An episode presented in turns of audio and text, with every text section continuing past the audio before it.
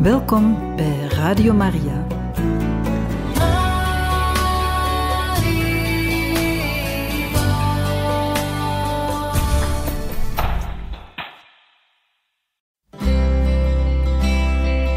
Welkom bij Boekat, een programma van Radio Maria.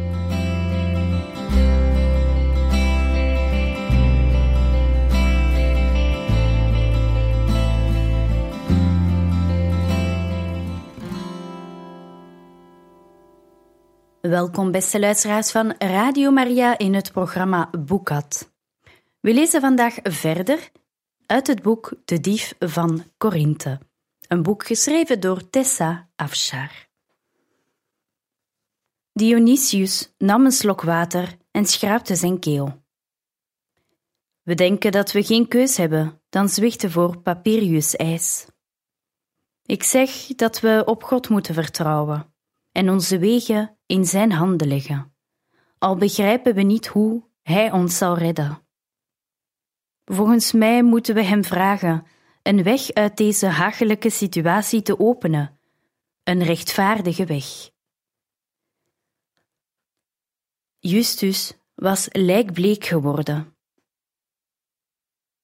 Hij trok me in zijn armen en hield me tegen zich aan, alsof hij bang was dat ik ter plekke van hem zou worden weggegrist. Niemand zei iets. Niemand kon een oplossing bieden. We stonden met onze rug tegen de muur. Het leek dwaasheid, maar in plaats van plannen te maken, begonnen we te bidden. Eerst haperde ik en kwam ik niet verder dan wat onsamenhangende zinnen. Maar toen we over de aanvankelijke onzekerheid heen waren, merkte ik dat ik groeide in kracht. Ik dacht aan Paulus' aansporing om alles te doen met liefde. Deze Jood en zijn God werden mijn dood. Alles doen met liefde? Hoe kon ik voor een man als Papirius ook maar het kleinste sprankje liefde opbrengen? Mannen zoals hij begrepen slechts scherpe wapens en krachtige maatregelen. Hoe moest liefde iets oplossen? Toen besefte ik dat ik al tekortgeschoten was aan de opdracht van Paulus. Ik had mijzelf uit Gods aanwezigheid verwijderd door hem de God van Paulus te noemen, de Joodse God. Was ik zo snel vergeten dat ik zijn dochter was en hij mijn vader? Ik zou niet buigen voor zulke leugens. Ik zou mijn wil buigen naar de buitensporige waarheden van het Koninkrijk van God en me niet conformeren aan de praktische influisteringen van mijn eigen geest. Als dat de gevangenis betekende, armoede en openbare schande, dan was het maar zo. Ik had nog steeds geen oplossing, geen plan dat het antwoord was op zowel Papirius' eisen als Gods geboden. Afgezien van een vaag idee dat ik me bij Philonius thuis moest laten uitnodigen, kon ik na onze oprechte gebeden niets bedenken. Zelfs dat nauwelijks omschreven idee was een pijl blindelings afgeschoten in het donker. We hebben Paulus' hulp nodig, zei ik toen we klaar waren met bidden. Hij verblijft nog steeds bij Priscilla en Aquila. Dionysius wees de weg naar hun huis en Justus ging met me mee. Paulus' vrienden woonden in een huis met een verdieping erop, in de nabijheid van het grote marktplein. De benedenverdieping bood plaats aan een gewelfde winkel waar lederwaren werden verkocht. Tenten, marktkramen, luifels, mantels. Binnen was de winkel licht en ordelijk, met lederen stalen keurig opgestapeld op twee marmeren planken. Afwezig voelde ik aan een lapje donkerbruin leer. Het was verrassend zacht. De werkplaats was van de winkel gescheiden door een grijs gordijn dat was afgezet met mooi groen en roze borduursel. Door een smalle opening in de stof ving ik een glimp op van drie mannen op drie banken, die met een grote lap leer op hun schoot aan het werk waren. Een vrouw kwam naar ons toe. Welkom, ik ben Priscilla. Wat kan ik voor u doen? Ze had donkerrood haar dat op haar hoofd was opgestoken in een eenvoudige kroon van vlechten. Een paar lokken ontsnapten aan hun strenge gevangenschap en krulden om haar gezicht, glanzend waar de zonnestralen erop vielen. Als ik beeldhouwer was geweest, had ik dat gezicht uit steen willen houden. Het was eerder markant dan knap, met uitstekende jukbeenderen, delicate lippen en een huid die bijna te dun leek om echt te zijn. Ze sprak met het elitaire accent van een hooggeboren Romeinse, maar had de handen van een bediende, eeltig van het werken met naald en priem. Ik herinnerde me dat Priscilla het verkleinwoord was van Prisca, een nobele naam, die bij een welbekende Romeinse familie hoorde. Ze was in het geheel een paradox. Dat felle haar en de blauwe ogen zagen er niet Romeins uit. De handen hoorden bij de lagere klasse, het accent bij de hogere. Ik beheerste me, herinnerde me waarom ik was gekomen en nadat ik me vluchtig had voorgesteld, vroeg ik naar Paulus. Jij bent Ariadne. Paulus geeft hoog van je op. Ik kon me niet indenken waarom. Hij bidt vaak voor je. Dat kon ik nog wel begrijpen. Paulus is er helaas niet, maar als je mee naar boven gaat, geef ik je een brief die hij voor je heeft achtergelaten. Voor mij? Priscilla knikte, voordat hij vanmorgen vroeg vertrok. Ze wenkte ons mee en liep de smalle trap op naar de eerste verdieping, waar hun privévertrekken lagen. Ze nodigde ons uit om plaats te nemen op een verschoten bruine bank, bood ons wijn en water en ging de brief halen. Ik rolde hem uit en begon te lezen. Groeten van Paulus, dienaar van God, aan Ariadne, mijn dochter in het geloof. Genade en vrede van God de Vader en Jezus onze Heer. Ik ben enkele dagen elders nodig maar nu ik me opmaak voor vertrek, voel ik jou zwaar op mijn hart. Ik liet mijn schouders hangen. Ik had gehoopt dat Paulus ons een wonder zou bieden, maar hij was weg.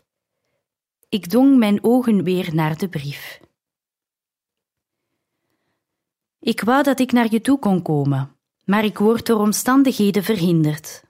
Ik ken de aard van je nood niet, ik weet alleen dat je in gevaar bent. Wat je omstandigheden ook zijn, mijn kind, wordt het goed doen niet moe. Wees standvastig en onverzettelijk. Laat je niet aan het wankelen brengen door het leven. Blijf waakzaam en sta vast in het geloof. Wees sterk. Doe alles in liefde. Denk eraan dat God je zal troosten in al je nood. Ik kom zo gauw als ik kan weer bij je. Ik sloot wanhopig mijn ogen. Priscilla legde zachtjes een hand op mijn arm, alsof ze mijn smart voelde. Ik zal voor je bidden. Toen ik mijn ogen opendeed, zat ze naar me te kijken. Het was geen armzalig aanbod, voelde ik, de gebeden van deze vrouw. Ik kon me voorstellen hoeveel kracht er vrijkwam als zij bad. Ik schonk haar een zwakke, dankbare glimlach. S'avonds komen we hier met een groep bij elkaar voor de gezelligheid. Je bent van harte welkom om ook te komen. Kom vroeg en eet met ons mee. Ik bedankte haar en beloofde spoedig terug te komen. Voorlopig hadden we veel voor te bereiden. Mocht ik het komende avontuur overleven en aan gevangenschap of erger ontkomen, dan kon ik geen huis bedenken waar ik liever mijn tijd zou doorbrengen.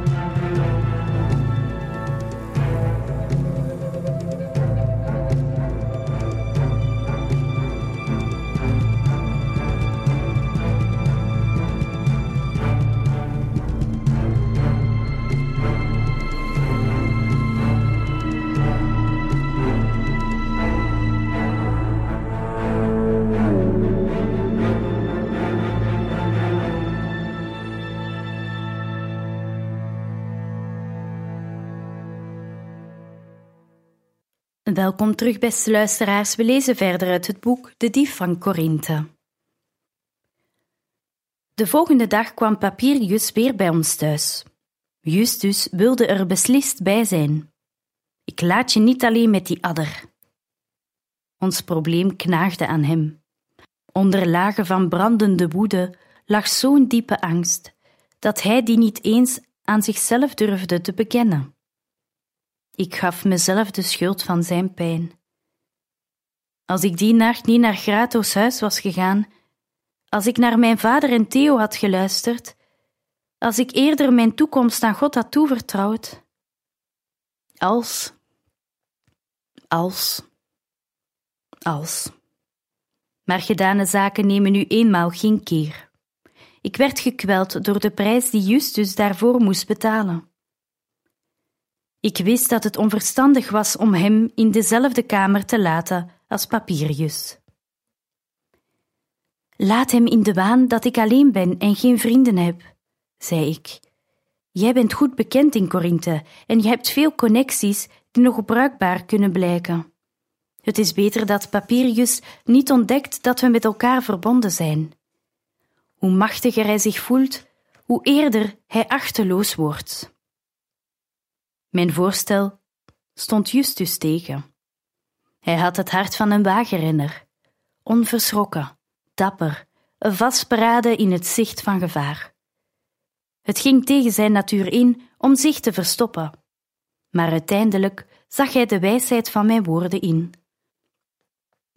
Hij verstopte zich in een nis in de buurt, klaar om me te hulp te schieten als het nodig was. Wat zijn je plannen? Wanneer ga je toeslaan? vroeg Papirius zodra ik zat. We hebben meer tijd nodig. Mijn stem klonk mezelf merkwaardig koel in de oren. Een kalme zee, ondanks de naderende orkaan. Het is geen simpele diefstal. Ik moet de locatie van de kist vinden voordat ik zelfs maar een poging doe om in te breken. Deze onderneming vereist geduld. Hoeveel tijd? Ik keek hem strak aan. Zo lang als nodig is. Ik moet met hem aanpappen, of met zijn vrouw. Dat is geen eenvoudige zaak. Ik had het niet voor mogelijk gehouden, maar zijn lippen werden nog dunner. Ik moet die kist hebben, niet zijn hart. Als ik het zo hoor, zit zijn hart in die kist. Hoe dichter ik bij hem kan komen, hoe groter de kans om hem te vinden. Papirius blies hoorbaar uit. Hij leek wel een gekooid dier dat wanhopig zocht naar manieren om uit te breken, wild van verlangen naar vrijheid. Ik boog me voorover en zette een vriendelijke stem op. Vertel eens, probeert hij uw geld af te persen? Papirius' mond viel open, de smalle ogen werden somber. Even had ik medelijden met hem. Zijn gezicht verloor iedere uitdrukking. Dat zijn jouw zaken niet, snauwde hij. Ik wist genoeg. Ik stuurde Claudia de oudste bij wijze van geste een mand vol met vaders beste zeepen en stopte er een bloemrijke brief bij, die overliep van weeë bewondering voor haar superieure smaak. De mand bevatte parfum en oliën die pasten bij de geur van de zeepen en was een klein fortuin waard. Drie dagen later nodigde ze mij uit voor de lunch. Die zeep die je me hebt gestuurd voor mijn haar, is dat een nieuw product uit Rome? Hoewel Corinthe het centrum van de handel was, bleef Rome de hoofdstad van alles wat mode was. De Romeinen hebben het spul natuurlijk als eerste geïmporteerd, zei ik, zonder erbij te vermelden dat het afkomstig was van de barbaarse Germanen en Galliërs. Met de toevoeging van nieuwe parfum hopen we dat het door het hele Rijk in populariteit zal toenemen. Omdat jij een van de belangrijkste modevrouwen van Corinthe bent, was ik geïnteresseerd in je mening. Vond je het lekker, Claudia? Het was niet slecht. De geur die je gebruikt hebt is een beetje grof, niet fijn genoeg voor Rome. Ze trok een in purpel gehulde schouder op. Maar voor in de provincies is het genoeg. Ja, dat hopen we. Een klein begin. Met der tijd Rome. Wie weet, misschien zelfs de keizerlijke huishouding. In haar ogen flitste belangstelling. Denk je dat de Augusta deze zeep zou willen gebruiken? Ik wist net zoveel van Agrippina en haar smaak als van de maan. Dat hopen we. Ze is een uitzonderlijke, elegante vrouw. Je kunt er altijd van dromen. We doen wel meer dan dromen. Volgende maand zal onze eerste zending Corinthe verlaten. We denken dat mannen zowel als vrouwen het zullen willen gebruiken. Het is je misschien opgevallen dat het veel schoner aanvoelt dan olie op het haar. Denk je dat Spurius Velonius er wat van wil hebben? We hebben zeepen die aantrekkelijk zijn voor de mannelijke smaak. Claudia's gezicht betrok. Wie weet wat Velonius aantrekkelijk vindt? Ik heb een man speciaal voor hem meegebracht. Hij is niet thuis. Mag ik de mand achterlaten in zijn tablinum? Gode nee, Felonius laat niemand in de buurt van die ruimte komen. Wat raar. Mijn vader laat zijn deur de hele dag open voor bezoekers. De mijne ook. Felonius heeft andere gewoonten. Maar hij vindt het toch niet erg als jij, zijn vrouw, daar binnen gaat? Heel even maar, lang genoeg om een mand neer te zetten. Een verrassingsgeschenk van zijn bruid is altijd welkom voor de bruidegom.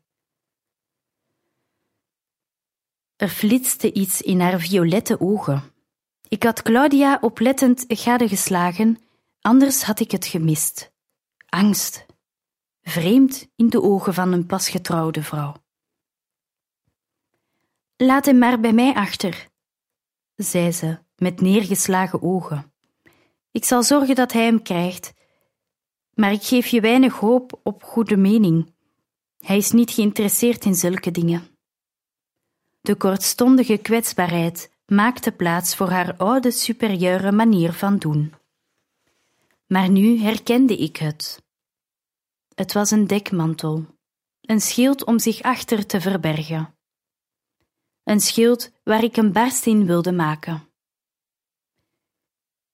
Ik vergrootte mijn voorsprong door haar trots te prikkelen. Het lijkt me dat jij als zijn geliefde vrouw natuurlijk zijn heiligdom mag binnendringen. Het is tenslotte niet zo dat je inbreuk maakt op zijn tijd. Hij is er niet eens. Ja, zelfs Claudius, hoewel hij Caesar is, heet Agrippina welkom in zijn doorluchtige aanwezigheid. Hoeveel te meer zal Felonius ontvankelijk zijn voor jou? Ik stond op en pakte mijn mand. Laten we nu gaan voordat hij komt. De angstige blik keerde terug. Claudia sprong op. We mogen daar niet in. Het mag niet. Wat er vervolgens gebeurde, kan ik niet uitleggen.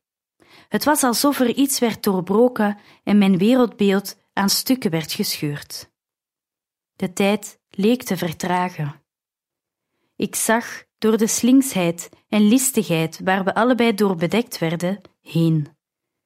Mijn manipulatieve pogingen om haar te dwingen haar geheimen te onthullen, leken plotseling smakeloos. Ik schaamde me voor mijn eigen gedrag.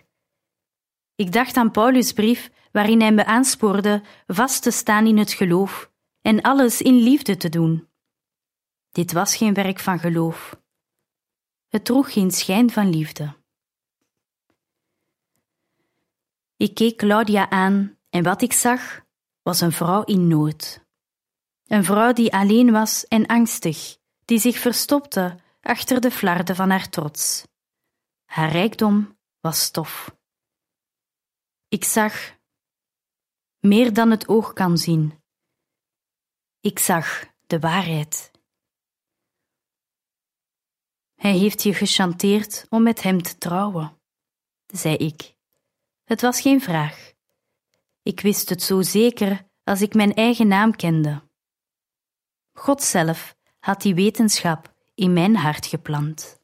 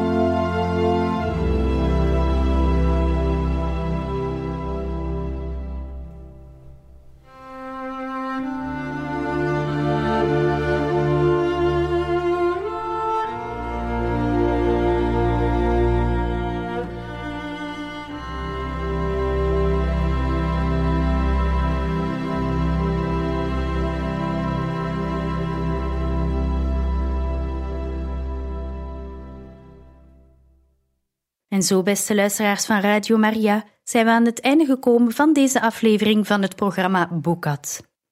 Volgende keer lezen we verder uit het boek De Dief van Corinthe van Tessa Afshar. We zijn dan aangekomen aan hoofdstuk 29. Tot dan.